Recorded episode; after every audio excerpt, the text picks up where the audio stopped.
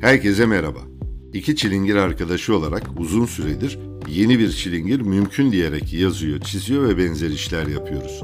Bu yeni çilingirin arayışı içinde olacağımız podcast serimizde tüm renkleri açık olarak konuklarımızı rakı sofralarında ağırlıyoruz. Yan masanızda müzikten sinemaya, edebiyattan politikaya ve elbette gündelik yaşama kadar her alana değinecek bu çilingir sohbeti ilginizi çekerse size de dem olsun.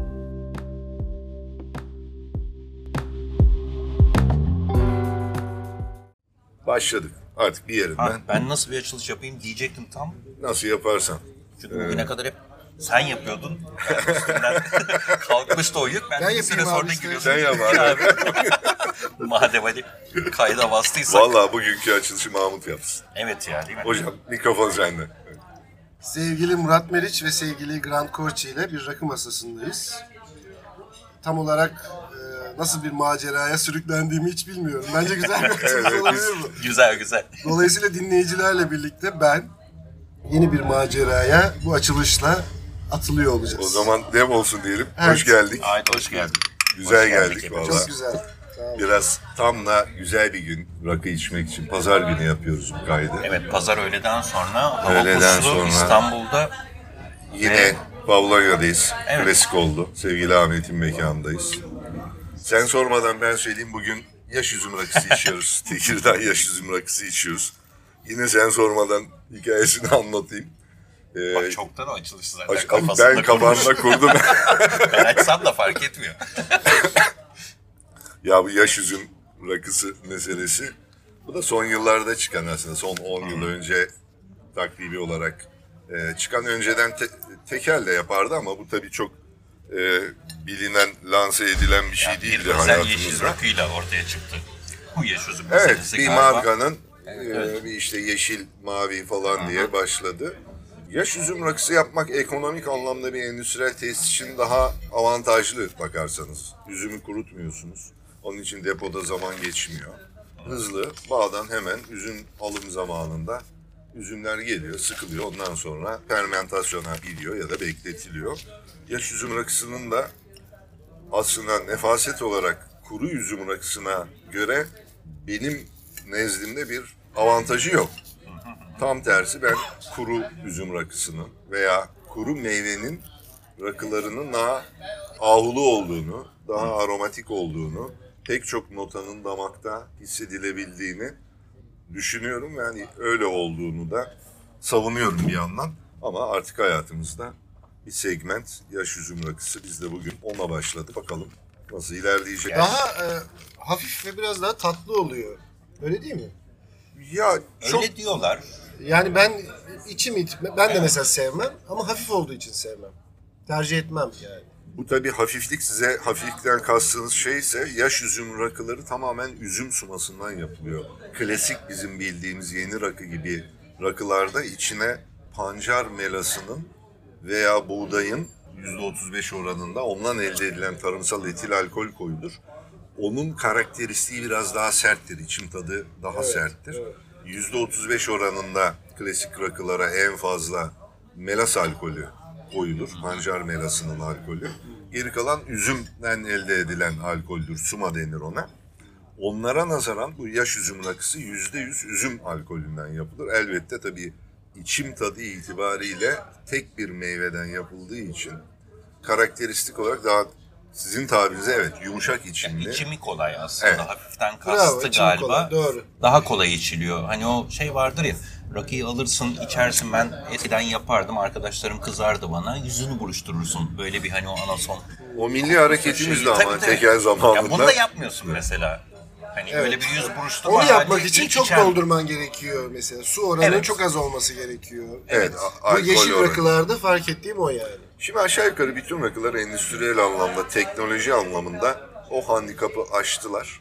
Gerek dinlendirme, Evet. gerek distilasyon kolonlarında yapılan otomasyon yatırımları vesaire o bizim suratımızı ekşitmemize sebep olan şöyle söyleyeyim yüksek alkol dediğimiz füzel alkoller ve baştaki alkollerin ayrımını çok daha net yapıyorlar. Onun için daha iyi rakılar içiyoruz. Etil alkolce daha zengin rakılar içiyoruz. Dediğim gibi yaş üzüm rakısında da sadece üzümden gelen suma üzerinden rakı elde edildiği için nefaseti tabii farklı, daha yumuşak geliyor. Bunun seveni çok, diğerinin seveni çok. Böyle bir hikayesi var bunun. Bir de şimdi gelirken aslında dün daha doğrusu bir arkadaş gördü bizim bir bölümümüzü dinlemiş. Ya dedi ki sen rakının bir brandy olduğunu söyledin. O nereden çıktı dedi. Biz rakıyı brandy olarak bilmezdik. Yanlışım var senin dedi. Peki dedi. Sen öyle diyorsan yanlış bendedir ama. Hikaye şu ilk e, damıtık içki aslında şaraptan yapılmış. Kayıtlara göre. E, şarabı damıttığınız zaman hala çok güzel rakı çıkar. Efsane rakı çıkar, efsane konyak çıkar, konyak çıkar, brandy çok güzel olur. Zaten rakı imalatının şeyi bir ön şaraptır fermantasyon sonucu. Ama rakıyı, rakıyı diyorum yüksek alkollü içkiyi şaraptan yaptıkları için Hollandaca bir kelime var. Yanmış şarap anlamına geliyor. Burned wine. İngilizcesi. Burned wine söylene söylene brandy'ye çevrilmiş. Brandy'nin Fransa'nın konyak bölgesinde yapılanına coğrafi işaretten dolayı konyak denmiş. Üzümden değil de işte başka meyveden yapılanına bilmem ne armut brandisi denmiş, erik brandisi denmiş. Bizim rakı da salt üzümden yapıldığında bu yaş üzüm şeyi gibi anasonlanmış bir brandy aslında sınıf olarak baktığınızda. Öyle bir gereksiz bilgi ortamlarda satarsınız artık. Estağfurullah. Güzel, Bu bilgiler gereksiz. Bunlar dünyanın en gerekli bilgileri. Bilmiyorum. ya bunun için üç gün seminerler falan veriyorlar da. Tekrar hoş geldik o zaman diyelim. Efendim. Afiyetler olsun. Mahmut Çınar'la birlikteyiz. Şimdi ben Mahmut Çınar'a hep aslında şunu sormak istedim. Murat sana başla dedim ama ben susmuyorum. Yok yok devam et ben girerim araya hiç merak etme. Bu Orhan Pamuk'un yeni hayatını açtığımda bir kitap okudum ve bütün hayatım değişti. Ah ya. Cümlesini okunca hadi lan oradan olur mu öyle şey dedim ama şimdi siz de bir bildiri imzaladınız. Bütün hayatınız değişti memlekette. Evet. O- olur mu dediğimiz şey oldu gerçekten. Oldu. Ee, Bir bildiri okudum ve bütün hayatım değişti. bir bildiri Evet değil mi? okudum. Yani aslında başta okumakla başlıyor hikaye. Nasıl geçti ondan sonra nasıl gelişti hayat? Abi e, yani yaşanan şeyler çok acı. Kişisel olarak benim hayatımı çok trajik bir biçimde etkilemedi. E, bir şekilde belli ki çok hazırmışım. Böyle bir hazırlığım yoktu. Yani üniversiteden atılacağım, başka bir iş yapacağım, kim bilir ne yapacağım. Bunları bilmiyordum ama kendimi hep böyle çok yanar döner bir adam değilim ama kendimi hep böyle e, koşullara hazırlayabilen biri gibi bulurum. Biraz böyle sokağa bilmekle, insanları tanımakla, insanlarla doğru bir biçimde tanışmayı bilmekle ilgili bir şey o. Benim açımdan e, hayırlara vesile olmuş oldu. Yani bu nasıl yorumlanır bilmiyorum ama böyle oldu. Ama çok korkunç bir süreçti. Yani işte e, insanlar tehdit altında hissettiği 20 yıldır 30 yıldır yapıyor olduğu iş bütün bireysel sermayesini yüklediği, kültürel sermayesini yüklediği, hayatını ona göre ipotek et, işi yapamaz olduğu. Yaşamını anlamlandırdığı bir Tabii ki, meslekle tabii ki. anlamlandırdığı bir, bir, şey elinden alındı. Çok kötü bir durum. Evet çok korkunç bir durum. Bir de bunun dışında kendini gerçekten tehdit altında hissetmek var yani. E, Korçi şey kapı çalındığında kimin geleceğini bilmiyorsun. Gözaltları o zaman biliyorsun hatırlıyorsunuz. Tabii, tabii. Yani Tabii. Özellikle Kocaeli'nde Ankara'da arkadaşlarımızın sabaha karşı gecenin yarısında gözaltına alınması, ofislerinden gözaltına alınması filan. Hepimiz bu korkuyu yaşadık. İşte birilerinin çıkıp kanlarında banyo yapacağız demesi filan. İlk üç kadın akademisyen Yani- içeriye girdi. yani çok, mahrumiyetine e, uğradılar. çok şeydi, e, korkunç bir süreçti. Ve bunun bu travmayı atlatamamış olan çok fazla eski meslektaşım var. 45 yaşında babasının annesinin evine taşınanlar, çoluğuyla çocuğuyla. 50 yaşından sonra 50 yıldır yaşadığı ülkeyi terk etmek zorunda kalanlar vesaire vesaire. Ama daha bireysel bir boyutta konuşursak işte ben biraz önce dediğim gibi hayatta kalmayı başardım. Yani mutlu bir insan olarak hayatta kalmayı başardım. E, Her zaman bu mücadelenin içinde oldum. İşte hayatımızın bir dönemi mahkemelerde geçti, gittik dayanışma için, kendi davalarımız için ceza aldım. Yani yargılanan ve ceza alan akademisyenlerden biriyim. O ceza hala bozulmadı. Ama bir yandan da mesela gittim hemen bir kafe açtım. Ee, yani bir tazminat almıştım. O tazmin bir de arabam vardı. Sattım. Hemen bir kafe açtım. Ve çay yapmaya, kek yapmaya falan başladım. Yemek yapmaya başladım. Öğrencilerim sağ olsunlar yalnız bırakmadılar. Çocuklar e, ben işten atıldıktan 3 ay sonra, 4 ay sonra benim kafeme gelip müşteri oldular. Ben de onlara çay servis ettim. Hocam ne yapıyorsunuz siz? Olur mu böyle şey falan diye ayağa kalktılar. Dedim ki ne demek ya? Ben size okulda bir hizmet sunuyordum aslında. O entelektüel sermayeyi paylaşıyorduk beraber ya da o kültürel sermayeyi paylaşıyorduk beraber. E bugün de yaptığım şeyi paylaşıyorum işte. Çay satıyorum yani. Çünkü benim işim bu. Ve diğerinden daha az kıymetli değil. Hatta daha severek yapıyorum şu an açık söyleyeyim. Devam ediyor mu kafe? Yok. Sonra devrettim. Çocuğum olunca bir de işte müzik işleri başlayınca e, çok da güzel gidiyordu. Kuzguncuk'ta yaşıyordum o dönemde. Sıfırdan aldık böyle bir dükkanı bir kafeye çevirdik yani. Sonra devrettim. Bir buçuk yıl işlettim ama kafeyi. Yani her şeyini kendim yaparak. Yemeklerini, keklerini, poğaçaları. Her sabah mesela 7'de dükkanı açıp poğaça yapmak filan. Yani gerçekten böyle bir tempo.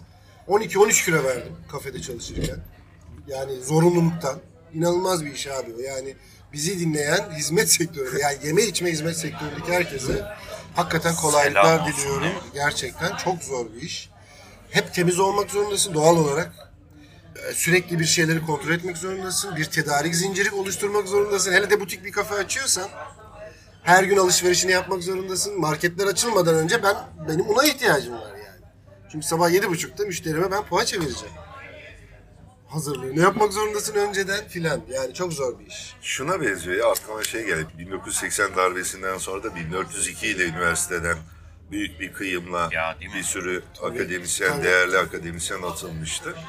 Bizim e, üniversiteye başladığımız yıllarda o akademisyenler de davalarla geri dönmüş, dönmeye başlamışlar. Nasıl özlemişler? O esnada hepsi bir şey yapmış. Evet, e, kafe açanı var. Ben e, seyyar satıcılık yapanı biliyorum Tabii. ya da bir şirketin şimdi CEO diyorlar ya genel müdürlüğüne kadar yükselmiş ama 1402'lik süreçleri geri dönüşler başlayınca hiç düşünmeden geri dönmüş vesaire böyle bir Evet. Türkiye makus talihini hep tekrarlayan bir ülke ya. Evet. 1402'liklerin Evet, bugün anlattığımız hikayesini belki sizler de evet e, Ya insanların bir süre sonra anlatmaya başlayacaksınız. Evet, insanların abi özgürlüklerini elinden almak yani bu politik ve katı süreç işte faşist yönetimlerin bütün dünya tarihi boyunca, insanlık tarihi boyunca insanlıkların özgürlüklerini elinden alması çok materyal bir politik süreç. Ama insanların anlamlarını elinden aldığınızda çok daha büyük bir yıkım yaratıyorsunuz orada. Yani hayata verdikleri anlamları elinden alıyorsunuz. Şimdi özgürlük mücadelesi seni kapattığımda oradan çıkman için yaptığın mücadelenin adıdır. Hepimiz toplumsal olarak bunu yapıyoruz yani. Zaman zaman. Bizden önce kuşaklar yapmış, bizden sonra da maalesef belki yapılacak. Yapılacak bitmeyecek. Ama bütün hayatını vakfettiğin bir anlam, işte orada çok korkunç bir travma ortaya çıkıyor. Biraz önce sözünü ettiğimiz şey oydu yani aslında. İnsanların sadece işlerini elinden almıyorsun. İnsanlar iş bulur. Bulamaz gider fon bulur. Bulamaz gider burs bulur. Birçok arkadaşımız öyle yaptı. Yüzlerce arkadaşımız bir sene içerisinde yurt dışına çıktı. Üniversiteler yurt dışında onlara davetler gönderdi. Bana da gönderildi. Bu değil ki ama mesele. Sen burada bu insanlarla kendi dilinde hayatına anlam veren bir büyük bir eylemin içerisindesin. Bunun içerisinde teori var, pratik Tabii, var, tabii. ideoloji var, hayata verdiğin anlam var, umut var. Bir insan niye ders verir ya umudu yoksa? Niye ders verirsin? Aslında. Yani senden sonraki kuşağa bir şey aktaramayacağını ve orada bir değişiklik yaratamayacağını düşünüyorsan. Yani bu umut yoksa niye ders verirsin? Bu umudu aldılar. Asıl mesele bu yani. Çok öz bir şey söyledin ya. Anlam alma, umudu alma. Evet bence öyle oldu. Yani bunu yaptılar. Ama zaten umut tükendiği anda her şey bir anda allak bullak olabiliyor. Bütün o depresif durumların başlangıcı o umudun tükenmesiyle alakalı Evet. bence. İşsizlikten çok o işte değil Tabii mi? tabii yani işsizlik e, bir noktada şey yapıyor. Ben mesela işte o e, 2018 yılını Berlin'de geçirdim ve o yıl mutluydum çünkü bütün arkadaşlarım oraya geldi bir anda. Yani yalnız kalacağımı düşünürken hepsiyle beraber oldu ama o benim kendi kişisel mutluluğum belki. Orada şeyi gördüm. İnsanlar çok mutsuzlar. Çünkü umutsuzlar. Ve işte öğrenciler orada bir sürü iş yapabilirler. Ben de yapabil yaptım yani. Başkaları da yapabilirdi. Ee, ama işte o umut elinden alındığı anda her şey bir anda allak bullak oluyor. Benim en büyük korkum umudumun gitmesi. Sürekli o yüzden umuttan bahsediyorum. Radyo programlarımda, yazılarımda umut hep ön planda. Yani e, bugün bile, bugün 10 Ekim mesela bu kaydı yaptığımız gün. Ve e, aslında hani tarihimizin en kötü günlerinden birisi belki de. Onunla ilgili bir yazı yazdım. Onu bile umutla bitirdim. Hani biliyorsun işte Mahmut Çınar bu arada benim editörüm. hani onunla ayrıca bir de böyle bir ilişkimiz var. Evet, Yazdığım gazetede duvarda yani. A- aynı gazeteyi Ha tabii bir de sen de yazıyorsun doğru. aslında şansına sahibiz. Tabii, bu, tabii. Şimdi umut dedin, anlam dedin ama bir noktada da bu üretiliyor tek başına. e, bitmiyor burada. Şimdi Mahmut kendi hikayesini anlattı.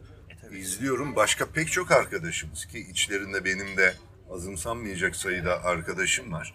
Şimdi bakıyorum yaratıcı yazarlık atölyesi gibi şeylerle başlayıp e, veya e, yurt dışında dediğin gibi başka bir üniversiteden aldığı bursla tekrar buraya gelip açık üniversite e, işte kurdukları dernekle e, kadın mücadelesine, haklar mücadelesine tekrar dönüp ayrımcı dile vesaireye bir iş üretmeye çalışıp o belki ikincil gibi gözüken anlamı şu anda başat başka bir anlama çevirdiler. İşsizlik evet o çok hepimizin başına hayatta gelebilecek. Her Temel karine o değil, işsizlik tabii. değil.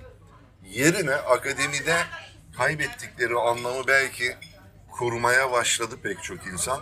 Bir anlamda baktığınızda akademi de çok da matah mıydı bu bundan önce? Değildi zaten irtifa kaybediyordu. Yok hiç hiçbir zaman olmadı aslında. Belli Tabii çok ki. özel durumlar dışında Türkiye'de. Onu kabul etmemiz lazım. Yani sadece bu dönemle ilgili değil. En kötü dönemini yaşıyor. Bunu Evet. kabul edelim yani. En kötü dönemini yaşıyor ama e, üniversiteler her zaman sorunluydu. Kendi literatürünü aslında devletle çok ilişkili bir yerden kurmuş olan bir bilim düşünülemez. Bana sorarsan ya da herhangi bir iktidarla çok ilişkili bir yerden kurmuş olan bir bilim düşünülemez. E, 80 öncesinde tabii iyi örnekler vardı. 1960'da 60'tan sonra. Dünya Önce- çapında Tabii, bu tabii, vardı sadece tabii. ülke yani ilk, anlamında aslında ilk değil büyük de. kırılmayı 1940'larda yaşıyor akademi. İşte o tarih coğrafya bravo. tasfiyesi, Aynen öyle. Behice boranların filan atılması. Yani orada Muzaffer. Şerifler Tabii. e, vesaire yani yurt dışına gidip dünyaca ünlü akademisyenler, bilim insanları olan insanlardan söz ediyoruz. E sonra 1980 malum yani ondan öncesinde tabii sıkı yönetim dönemleri, akademisyenlerin 70'lerde de var alınması vesaire. Sorunlar. 1960'lardan sonra yaşanan görece bir özgürlük ve özellik dönemi akademide. Ama yani her zaman böyle bir ara çıkış yolları bulmuş akademi. Orada bir takım parlak isimler gerçekten birçok bedeller ödeyerek bir şeyler yapmış filan. Yani bir doğru düzgün bir üniversite sistemimiz bizim hiçbir zaman olmamış. Kişiler üzerinden Tabii. ya da dönemlerle Bravo, ilişkili bir. evet. Öğretmenler ya da daha ziyade mesela benim e, şahane bir öğretmenim vardı. Osman Gürel bilirsin. Ah, ah, E, ah, Kaybettik maalesef 3 yıl önce 2018 yılında. 1402 ile atılanlardan Ömer Kuleli ile beraber. Biraz işte bahsettiğim şey de oydu. Tabii, tabii 1402 ile atılıp da benim sonrasında tanıdığım belki biraz sonra bir Çilingir anımızı da Osman abiyle anlatacağım. evet, lütfen Böyle ya. Çok kıymetli bir abimizdi. Sen kesmiş Ve şey olmayayım yani devam et. e, işte ben üniversiteye gittiğimde Ankara Üniversitesi Fen Fakültesi'nde okudum. E, Osman Hoca yeni dönmüştü. Ve onun kitabı iletişim yayınlarından ya çıkmıştı ya da ben okumaya başladıktan bir süre sonra çıktı. Tarihine bakmak lazım. 90'larda vardı ama o kitap. Ben o kitabı alıp çok heyecanlanmıştım. Çünkü o sırada Cumhuriyet'in bilim teknik eki vardı. Hala var bir şekilde devam ediyor ama o zaman bambaşkaydı. Ve Osman Hoca, Ömer Hoca ile Ömer Kuleli ile beraber ortak yazılar yazardı. Birisi yazardı, ortak imza atılırdı. Ee, sonradan öğrendik ki o muzip yazılar hep Osman Hoca'nın elinden çıkmış. Çünkü ben onun öğrencisi olma şansına sahip oldum. Ee, o mesela kitabın ön sözünde şey der, o çok hoşuma gitmişti benim için. Bambaşka bir noktaya savrulacağım belki ama kimyayı çok iyi biliyordu ama paşa kimyadan çaktı. Yazar mesela hayat hikayesinde. Paşa kimya soru işareti. O yağ ayrı.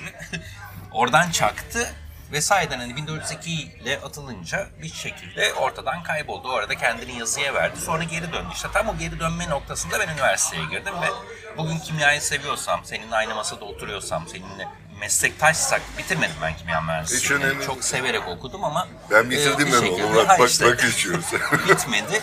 Zaten severek girmiştim. Severek okumama sebep insan Osman Gürel'dir. Onu da anmış olalım. Benim hayatımda değiştiren insanlardandır. Yani Ya. onun sayesinde ben yazmaya başladım çünkü. Merak ettiklerimi O zaman- not aldım. bir Sen ay evet anlat çok Evet merak ya, ediyorum Mahmut- ya. Mahmut Bizde çok verirse- hikaye var tabii de. Osman Gürel hocamız Murat e, anlattı bıraktığı yerden ben birkaç boşluğu doldurayım. Cumhuriyet Bilim Teknik'te Ömer Kuleli hocamızla ve birlikte yazdıkları köşenin ismi şu. Kimya güzeldir ama fizikte, biyolojide ve matematikte var Bir mı sonraki hatırlamıyorum. kitabın adı oldu o zaten. Sonra o kitabın adı oldu. Tabii. Ben de o dönem işte e, ben mühendis odalarında meslek siyasetiyle e, gönüllü olarak ilgilenen bir insanım. Kimya Mühendisi Odası'nda ikinci başkanı olarak bir seri e, bilim ve felsefe, mühendislik, teknoloji ve bilim söyleşileri başlatmıştım. Etik konuları tartışmaya gayret ettiğimiz bir seriydi. İşte nükleer enerji bir alternatif midir? Bir mühen- mühendis nükleer enerji santralinde çalışır mı etik olarak? Ya da silah üreten bir fabrikada bir kimya mühendisi çalışır mı?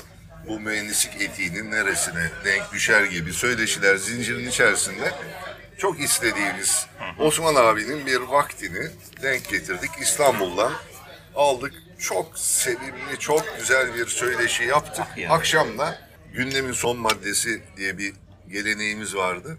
Her misafiri ya da yönetim kurulu toplantısından sonra bir sohbet ocakbaşı vardı biz sokakta Beyoğlu'nda. Orada bitirirdik ve Osman abiyi de oraya davet ettik. Kırmadı bizi geldi.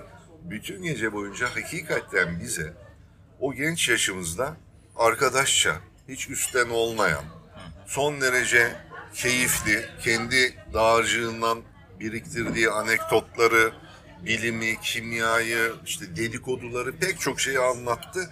Biz böyle mest olmuş. Osman abi bir şey söylüyor. Bizim uf- bir lamba buradan evet hayatın bir sırrını daha yakaladım ya. 25-26 yaşındasın düşün. Osman abi bir şey anlatıyor. Yok artık diyorsun. Bütün sorularımın karşılığını adam rakı içerken bir espriyle söyledi falan. Biz mestiz. Osman abi de keyiflendi. Geç bir saat oldu. Taksim'de yürüdük, çıktık. Dedik ki Osman abi biz sana bir şey yaptık. Organizasyon içerisinde senin konaklaman da var. Hatta onu da aramızda konu, konuştuk. İptal edeceğiz. Bizde kal. Seni çok misafir etmek istiyoruz. Yok dedi ben gideceğim. Abicim dedik bak bu saatte çok zor ve lütfen ve biz böyle tam Taksim'de Atatürk heykelinin dibinde durdu. Elinde çantası. Ulan piçler geçin bakayım sıraya karşıma dedi. O adam bir anda ciddileşti. Biz karşısında böyle yarım ay biçiminde dizildik. Size dedi üç yolu söylüyorum. Onun burada çok sevdiği Bakırköy'de yaşayan bir teyzesi vardı. Teyzeme gideceğim dedi. Üç oldu söylüyorum duymuyorsunuz dedi. Ben dedi bir söz verdim. Benim sözüm bir sorumluluk ve emek gerektirir. Ya, tırnak içerisinde şimdi klişe oldu ama ulan sevgi dedi emek gerektirir. Gerizekalılar beni dedi eylemeyin şuradan taksi çevirin de gideceğim dedi. Biz son dersi öyle aldık ve rahmetlinin anısına ben Evet ya. Haydi. iyi bir bilim insanıydı. Türkiye'de mühendislik alanında gerçekten adı geçmesi gereken önemli Şöyle bilim yazılar insanlardan yazardı. birisiydi. Organik kimya dersi aldım ben ondan. Bodler'in Saçlar şiiriyle başlardı bir yazıya ve saçı oluşturan işte kimyasal durumlardan bahsederdi. En sonunda tekrar şiire dönüp ama bakın sevgilinizin saçlarını okşarken çok mutlu oluyorsunuz. Fakat o saçlar gergedanın boynuzuyla aynı. bir taraftan da böyle tuhaf tuhaf şeylerle hani gözünün önüne perde indirirdi. Böyle bir adamdı. Dersi de böyle verirdi. Sen nasıl bir akademisyendin? Mahmut? Yani çok serbesttim. Severdi öğrencilerim beni. Öyle söyleyeyim. Ben de öğrencilerimi severdim. Mesafeliydim. Ee, belli bir mesafem hep vardı. Ya o kişisel ilişkilerimde de öyledir. Önce bir belli mesafeyi kurarım. Mesela ben hiçbir zaman öğrencilerime ilk kez tanıştığımda sen dememişimdir yani. Bu bir prensiptir. İnsanlarla da tanıştığımda hemen sen demem. Sonra ama herkesle senli benli olmuşluğumuz vardır. Bazılarıyla hala buluşur. Rakı içeriz. Arkadaş olduk. Aktif bir akademisyendim. Çok aktif bir akademisyendim. Öğrencileri projelere sokmak, mutlaka bir şeyleri birlikte sorgulayabilecek ortamları yaratmak. Hem de bir şeyleri birlikte üretebilecek ortamları ya- yaratmak için çok uğraşıyordum. Yani medya etik dersi de veriyordum. Medya sosyolojisi dersi de veriyordum. İşte ayrımcılık dersi de veriyordum. Ama çocuklarla habere de çıkıyordum sokağa filan. Aktiftim. Öyle söyleyeyim. Şimdi bir anda aklıma şey geldi. Hayatını anlattırdığı Uğur Dündar'ın falan böyle programlar Ha, vardı ya. bir anda bir konuk- Peki bakalım öyle mi diye. Şimdi öğrenciler buradan bir Öğrencilerden öğren- biri Hocam. Yok öğrencilerle aram hep çok iyi olmuştur. şimdi de e, aslında teorik olarak belki eğitimini verdiğin konuların uygulamasının çok içerisindesin. Evet gazeteci oldum. Nasıl gidiyor? Valla çok güzel gidiyor. Gazete Duvar'dayım işte birkaç aydır. Gazete Duvar'da müzik editörlüğü yapıyorum. Çok böyle kan uyuşmasının olduğu, birlikte zaten daha önce projelerde yaptığımız bir mecra Gazete Duvar. Ya benim zaten okur olarak daha önce takip ettiğim aslında yayın hayatına başladığından beri takip ettiğim, çok sevdiğim bir mecra. Çok güzel gidiyor, yoğun gidiyor. Biraz böyle misyonlar edinmiş durumdayım kendi kendime ama yani üzerime böyle e, bana yüklenmemiş olan sorumlulukları kendim yüklemeye çalışıyorum. Biraz müzik alanında orada daha fazla ne yapabiliriz? Müzik haberciliği, daha fazla söyleşi, daha ilginç konular, daha derinlemesine dosyalar. Biraz bunlarla ilgili çalışıyorum ve bu da tabii ki bir yoğunluk gerektiriyor, getiriyor ister istemez. Ama çok sevdiğim bir yoğunluk söyleyeyim. Yani e, gazeteciliğe uzak değilim yani hep yazdım. E, yani ulusal mecralara işte Radikal'den tut e, Cumhuriyet'e şuraya buraya yerel medyada çalıştım filan. Her zaman bu alanın içerisindeyim ister istemez. E, aşağı yukarı hasbelkader bir entelektüel olarak doğal olarak gazetecilik denen, denen alanda hele de bir akademisyensen hele de bu konuda çalışan bir akademisyensen e, hemhal olmak zorundasın. Ama ilk kez bu kadar yoğun bir biçimde bu işin pratiğini yapıyorum ve çok mutluyum. Çok çok mutluyum. Bu da aslında gerçekten şimdi yağ çekmek gibi olmasın. Hepimizin de olduğu yer. Reklam gibi de olmasın ama oranın gazete duvar olmasından kaynaklanan bir şey. Çalışıyorum. Evet Çok güzel bir çalışıyorum. güzel bir kıvam tutturuldu aslında duvarda. Ali'nin de Ali Topuz'un da burada önemli bir katkısı var. Harcın ilk karanlardan. Sonra da büyüdü. Şu anda ilginç bir dönem ve yeni bir medya gelişiyor ya. O gelişen yeni medyanın ilk deniz fenerlerinden bir tanesi Aynen gibi öyle. aslında. Evet Aynen evet aslında hani amiral gemisi bence hatta şu anda öyle gidiyor. Evet. Çünkü sahadan habercilik yapabilen tek gazete bence. Bu yangınlarda falan arasında. bunu Tabii, tabii. gösterdi. Belki bu yeni medyanın bir eksikliği o da zamanla tamamlanacak gibi. Çünkü o daha finansal bir şey ya. Aktif saha haberciliği bildiğimiz klasik gazetecilik, görsel ya da yazılı gazetecilikteki sahadaki aktif haber peşinde koşan muhabirlerin sayıca az olması Evet. ve bunu kapatmak için de yorum ağırlıklı bir mecraya dönüşmeleri. Gazete duvarda da bu giderek kırılıyor gibi görüyorum. Evet, Yok, evet gazete baştan duvar- beri de tabii, öyleydi aslında. tabii. Sahada hep habercisi e, vardı. Yerel medya var. Evet. Gazetecilik yapılıyor burada. Yani orası için burası için mesela alternatif denmesini Ali abi de sevmiyor. Ben de mesela kendi adıma duvarın bir ferdi olarak bu, bu şeyi benimsemem yani. İşte alternatif medya, alternatif falan. Yeni medya uygun mu bu? Hayır abi yani Değil. çatır çatır şey yapıyor, Kla- gazetecilik klasik yapıyor. Tabii. habercilik yapıyor. Bunu sadece. gazete olarak da basabilirsin. Hatta hatta bütün yapıyor olduğumuz işleri başka bir formatta bir televizyon açsan aynen öyle Tabii, orada uygulayabilirsin. E, nitekim onu da yapıyorlar işte biz Erdal Güney ile bir e, şeyde beraber yan yana gelmiştik mesela. Orada bir e, program yapmıştık onun albümünün çıkmasından hemen önce. Evet. Ya da işte Işıl Çalışkan'la bir değerlendirme yapmıştık yıl sonu. Senin askıda sanat meselesi Evet. şimdi sürdürdüğün Evet. hikaye ve daha bir sürü şey var zaten hani. Ay neyse çok övdük kendi gazetemizi bir. Başka e, meseleleri geçelim. Demin sen yaş hüzün rakısını anlatırken bizim aslında şeyimiz yaş hüzün rakısı e, Aa. diyecektim bir taraftan. Ya yine daniska mı? Ya yine mi abi ya? Ama Mahmut sohbet Kurtulamayacak buraya ya? sohbet buraya gelecekti. şey İster Olmaz istemez. o iş abi. Bu kapalı bir bilgi olmadığı için burada söyleyebilirim. Şimdi benim yani nereye gitsem daniska be birader. Öyle değil tabii yani. Bu benim bilinçli tercihim. Ben yani Ama klipte varsın abi. Abi ben o kli- yani onlar hala istemese bile sizin programda da söylemişler. O konuda da Deniz Bayrağı gerekli şeyi yaptım. İşte siz niye kız çocukların babalarından oluşuyorsunuz filan. Ya böyle bir imaj oluştu. Bir de Mahmut Çınar'dan kurtulmak için yaptık bunu diyoruz.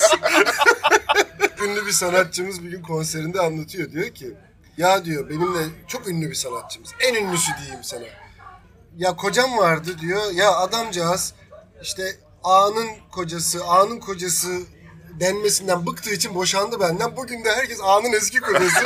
eski kocası diye anlatıyor herif. Çok- Aramış demiş ki ya Allah seni kahretmesin kurtulamayacak ben senden. Şimdi herkes bana A'nın eski kocası diye. Ben de öyle Daniska'nın e, Fahri Ferdi gibi. Bir konsere gittik abi. Ee, Yani Ankara'da bir konserdeyiz. Biri geldi dedi ki bir imza alabilir miyim? Tabii dedim. Çıkardı Daniska albümünü. dedim ki ne yapıyorsun sen? Benim albümüm var bir de yani. Daniska'nın albümünden önce çıkmış. Eyvah eyvah. ya sen ne yapıyorsun? Dedik ya ne bileyim siz orada değil misiniz? Yani biz sizi çok seviyoruz. Yanımda da Deniz Bayrak var. Dedim ki bak bu adam imzalayacak falan. Gru- grupta mı o dedi. Eyvah eyvah. ya. Ama siz açtınız kutuyu kusura bakmayın. Velhasıl bu konser hemen kapatıp başka bir yere geçeyim. Ezgi'nin Gül'ün konseri muhtemelen yanında Deniz Bayrak Evet, varsa. evet. Ve sen Deniz'le aynı ekiptesin. Evet. Ve benim sana hep sormak istediğim soru şimdi röportaj kıvamına girecek ama nasıl girdin abi Ezgi'nin günlüğüne? Nereden çıktı? Nasıl buluştunuz? Nasıl devam etti? Abi Ne güzel oldu bu arada hani. bence de çok güzel oldu. Yani sen öyle düşünüyorsan Yok, benim için ben bu çok kıymetli bir şey. Canlı dinlememiştim. En son geçenlerde dinledim Nasıl nihayet. buldun? Gayet iyi. Eyvallah. Pek güzeldi. Eyvallah. Abi şöyle oldu. Yani benim müzik hikayem biraz zaten geç başlamış bir hikaye aslında Evet, biliyorsun.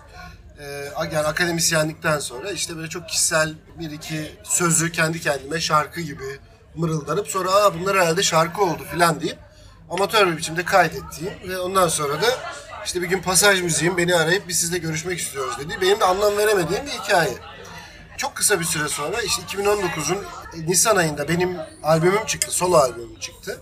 Ee, Mayıs ayında da ben Deniz Bayrak'tan, Mayıs-Haziran pardon, Deniz Bayrak'tan işte bir telefon aldım. Tabii şimdi benim bazı şarkılarım, Ezgi'nin Günlüğü benim hayatımın çok önemli bir parçası. Hepimizin. Evet. Ya benim ama bir dinleyici olarak tabii ta, yani hepimiz Toplumsal belleğe kazınmış. Tabii, tabii. Ya onlarca hepimizin. Yani üç tane şey sürü İşte yani Bülent. Ortaçgil derim. Ne bileyim Fikret Kızılok derim bana sorsan. E hadi dört olsun yeni türkü derim. Ezgi'nin günlüğü derim yani ne dinliyorsun diye sorulduğunda. Ya dinlediğim müziği böyle tanımlarım. Bazı şarkılarım da doğal olarak ye- yeni bir şarkı yazarı olduğum için de bana sorarsan biraz da bilinçli olarak yaptığım bir şey bu. Sevdiğim müziklere hep müzikal referanslarda bulundum ben.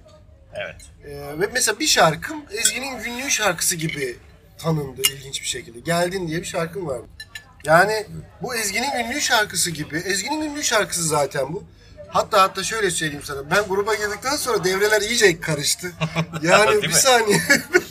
bu Ezgi'nin günlüğü şarkısı değildi ama bu adam Ezgi'nin günlüğünün solisti falan gibi oldu. Herhalde böyle bir şey oldu abi. Ee, bir benzetme, bir yakınlaştırma. E çevreler ortak.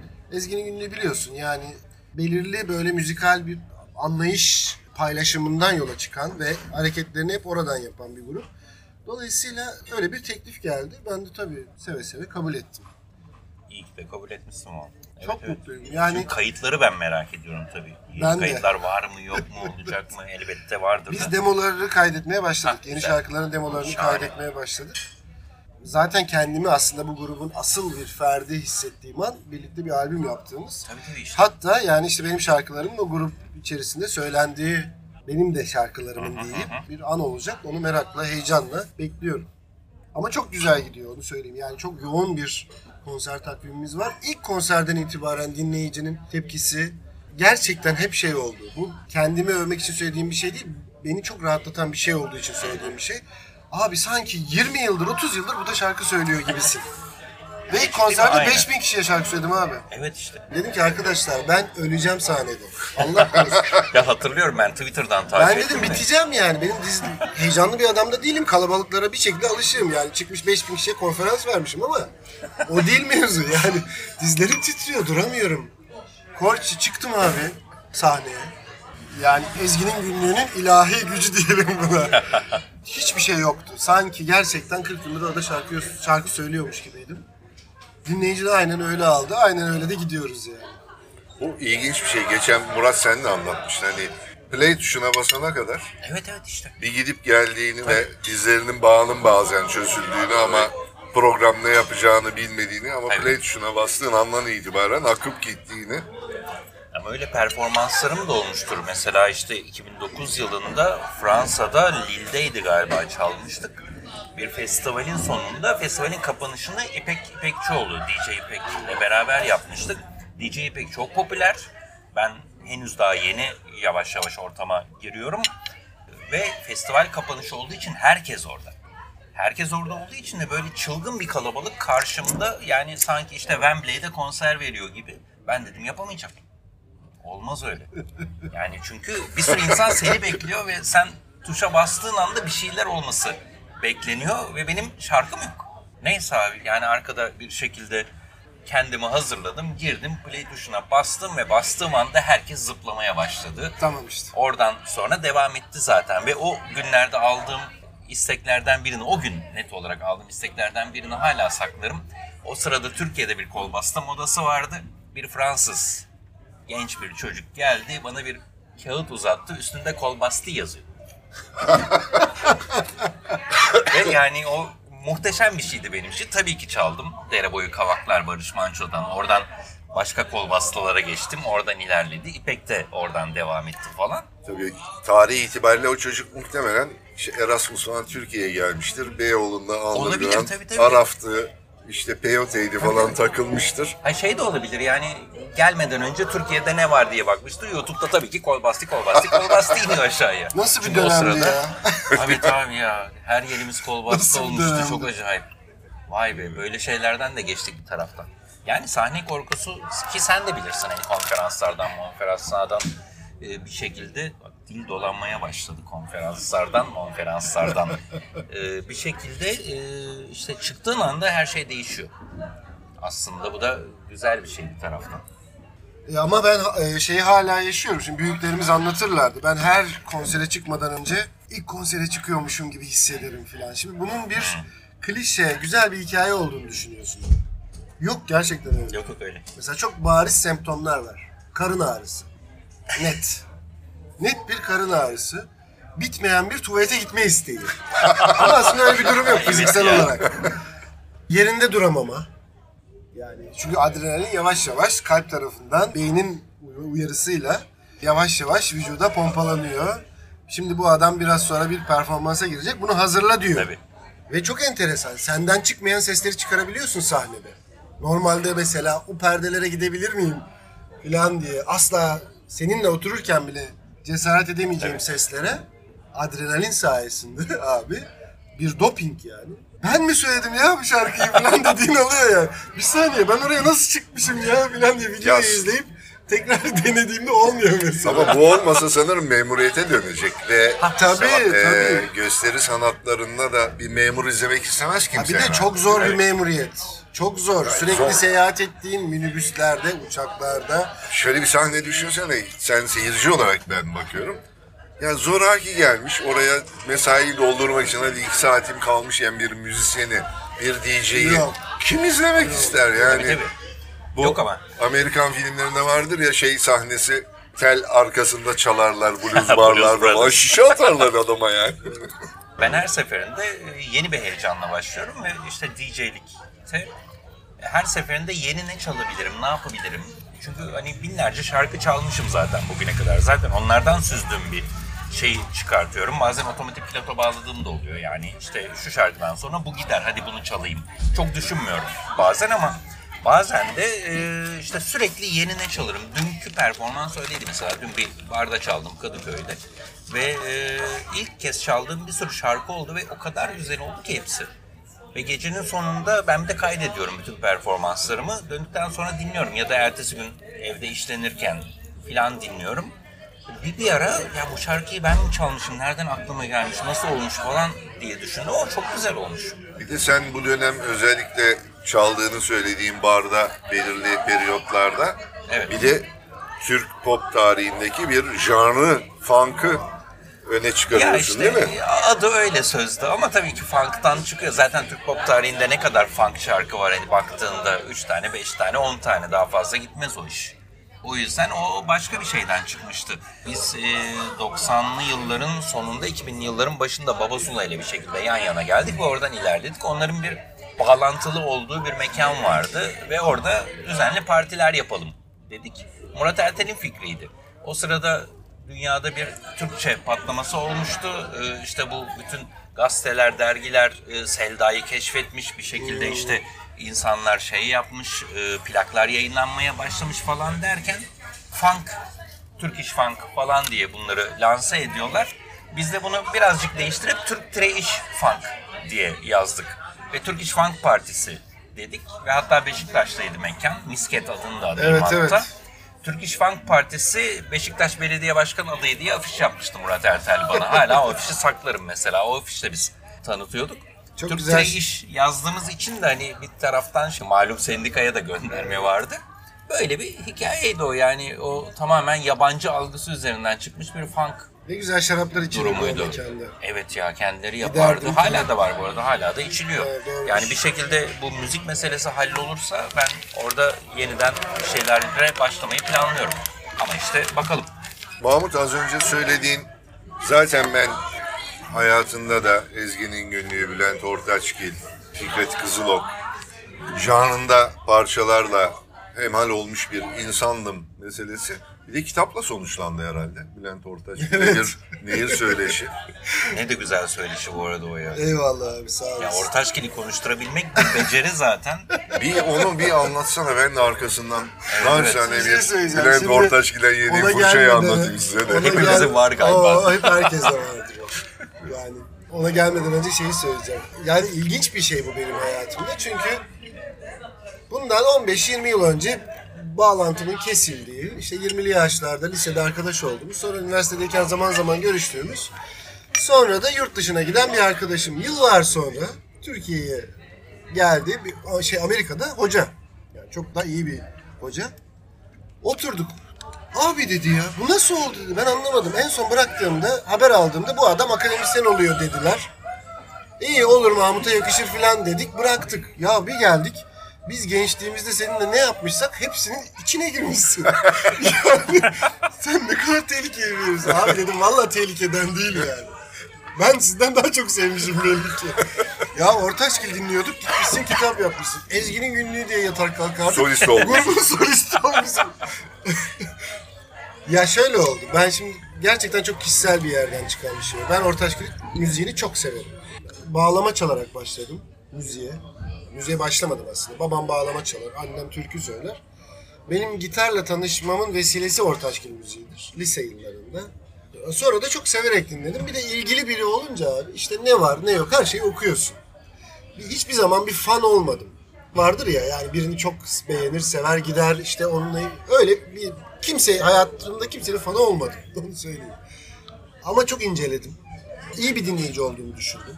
Bilmiyorum öyle diyeyim yani. Sonra bir gün aklıma geldi. Akademisyendim o zaman. Ben dedim niye dedim Ortaçgil'le ilgili bir şey yapmıyorum.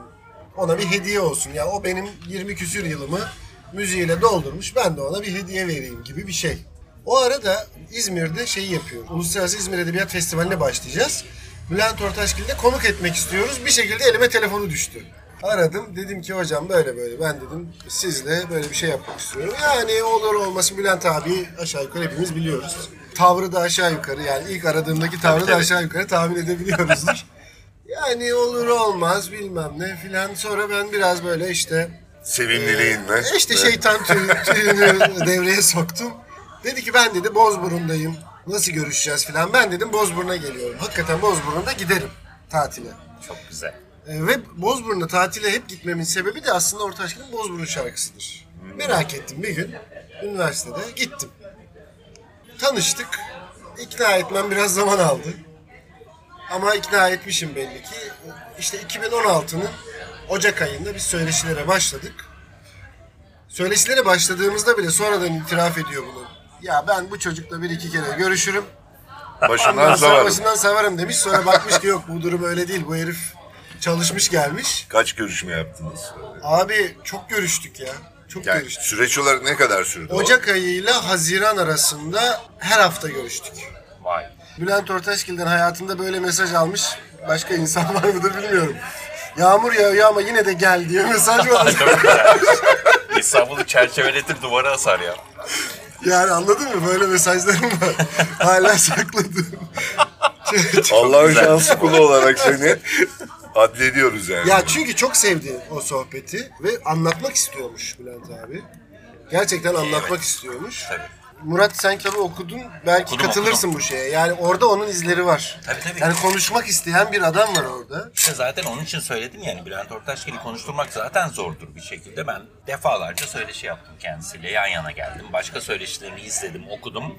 Bir şekilde zor konuşur ama Mahmut konuşturmuş. Çünkü öyle yerlerden girmiş, öyle yerlerden ilerlemiş ve kendisi de belli ki konuşmak istiyormuş. Bir taraftan da senin becerin çalışmış gitmişsin çok belli. bu. Konuşurken alkol var mıydı ortamda? Yok hiç yok. Yok. Hiç olmadı. Hiç olmadı. O sevmez öyle şeyleri. Yok hiç olmadı. Yani içer ama Ama şöyle şeyler oluyordu tabii bu benim için çok acayip bir şey. Şimdi çok acayip bir yere koyduğun, çok büyük bir yere koyduğun bir ve o dönemde ben tesadüfen şarkılar yazmaya başladım. Şimdi benim için anlamı da büyüdü. Bir çay demleyeyim mi diyor mesela.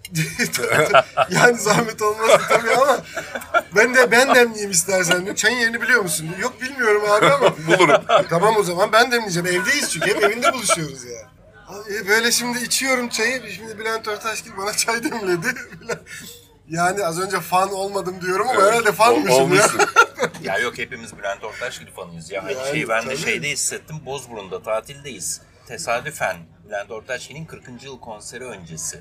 Roll'dan bir telefon geldi. O sırada Roll'a röportajlar yapıyorum. Dediler ki Ortaçgil'le buluşmamız lazım. Nasıl buluşuruz? Ben dedim şu anda bana bakıyor. Karşımda oturuyor kahvede. E, isterseniz hemen gidip konuşayım. Gittim konuştum sahiden. E gel Murat dedi. Tanışıyoruz da bir şekilde. Evine gittim ve aynı şeyi orada hissettim. Mesela kahvaltıya çağırdı. Orada söyleşi yapıyoruz. Ve kahve demleyeyim. Kahve koyayım. Sizin için hazırladım dedi. Ben de böyle "Abi yani biz hani e, e, falan aynı şey. Bölüyorum özür dilerim. Yani konumuz rakı olduğu için rakımı koymuşluğu var yani. Tabii Kaç canım. kez evinde. Sonra Bunu çok ben de buluştuk yaptım tabii. ve yani, Yani ah evine keşke. davet et. Bu arada yani bunu söyleyeyim. Konuşması zor. Yani konuşturmak zor vesaire. Ama ilişkiler bağlamında tam olarak bu coğrafyanın bir adamı yani. Kesinlikle. Gerçekten. Muhteşem. Yani kahkahasından sohbetine, anlattığı anıdan küfürlere. Hatta şöyle bir geyik oldu. Uzatıyorum ama. Yok yok. Yok. Şimdi Yekta? Kopan bir programa başladı. İlk de bizi davet etti sağ olsun. Bizim e, bu su durmaz kitabı için.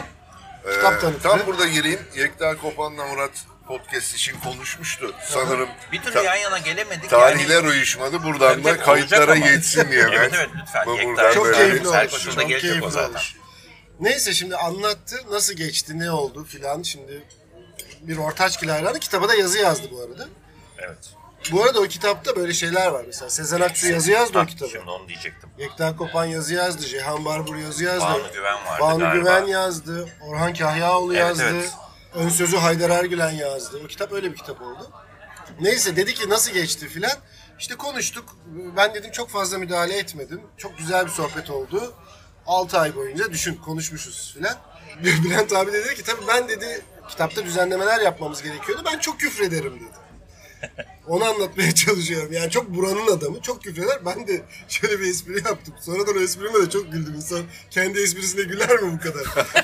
ya dedim kitap dedim 300 sayfaydı. Küfürleri çıkarınca 150 sayfa çıktı. Bak hala gülüyorum yani. Şimdi buradan ben sözü alayım. 1990'lı yıllar ben Kimya Mühendis Odası'nın az önce anlattığım yönetimindeyim. ikinci başkanlığını yapıyorum. Bizim de her sene bir gecemiz oluyor işte. Olur ya meslektaşları falan. Bülent Ortaçgil kimya mühendisidir. Evet. Boğaziçi Üniversitesi mezunu kimya mühendisidir ve ilaç sektöründe de bildiğim bayağı kadarıyla çalışmıştır. süre, Tabii tabii. Ve biz de bir takım eski işte tanıdıklarının ve bir şekilde taleplerin şeyiyle ya bu sene Bülent Ortaçgil'i mi çağırsak gibi bir şey toplantıda gündeme geldi. O zamanlar da ben organizasyon ve şeylerden sorumluyum. Hani bir iş yapılması gerekiyor. En genç ve işte ver şeye Korçu'ya o bitsin modunda böyle bir tam hızımla gidiyorum. Tam dedim o iş bende. Zaten evde Bülent Ortaçgil kaseti var. Cep telefonu yok vesaire. Telefonunu bulmam lazım. Yapım firmasını aradım. Yapım firması baştan ne münasebet gibi yaklaştı. Telefonunu istiyorum Bülent Ortaçgil'in. Onlar da vermiyor doğal olarak. Sonra dedim ki böyle olmayacak biraz daha kurumsal bir kimlik şeyi takınayım kendime. Sesimi de kalınlaştırarak bir ikinci telefon açtım. Meslek örgütümüzün üyesi, kisvesi adı altında ben de meslek örgütünün başkanı şeyiyle derhal telefonunu rica ediyorum acil bir konuyu falan. Telefonunu aldım. Telefonu aradım. Annesi çıktı. Annesine derdimi anlattım. Aa oğlum dedi Bülent Marmaris'te. Sonra ben annesine ricada bulundum. Dedim ki hani bizim böyle bir şeyimiz var. İletirseniz çok sevinirim. Ben de sizi yarın arayacağım. İşten çıkıyorum. Eve gidiyorum. Telefonla zaten ev telefonumu vermişim. Hani olur da dönerse diye saat 7'de gidiyorum. Saat 9'u söylüyorum bir önceki şeyde. 2 saat telefon başında bekliyorum. Annesiyle biz 1, 2, 3 derken sohbete başladık. yani, Merhum da kaybettiği. e, Bülent Ortaçgil'den beklediğimiz telefon gelmiyor ama annesi hanımefendiyle ah oğlum siz de çok kibar bir insana benziyorsunuz falan diye çok tatlı, hoş sohbet ediyoruz. Sonra bir gün telefon çaldı abi. 7'den 9'a kadar beklediğim şeyde anında açtım. Bülent Ortaçgil dedi. Elim ayağım boşaldı. dedi ki annemi rahatsız etme. Oh. Ya böyle değil ama kibarca bunu çok da kibar sayılmayabilir belki ama şunu ben dedi o işleri kimya mühendisi vesaire arkadaşlarımla bırakalı çok oldu. Ama öyle bir şey olmayacak ve lütfen bir daha annemi arama. Bana da mesaj gönderme dedi.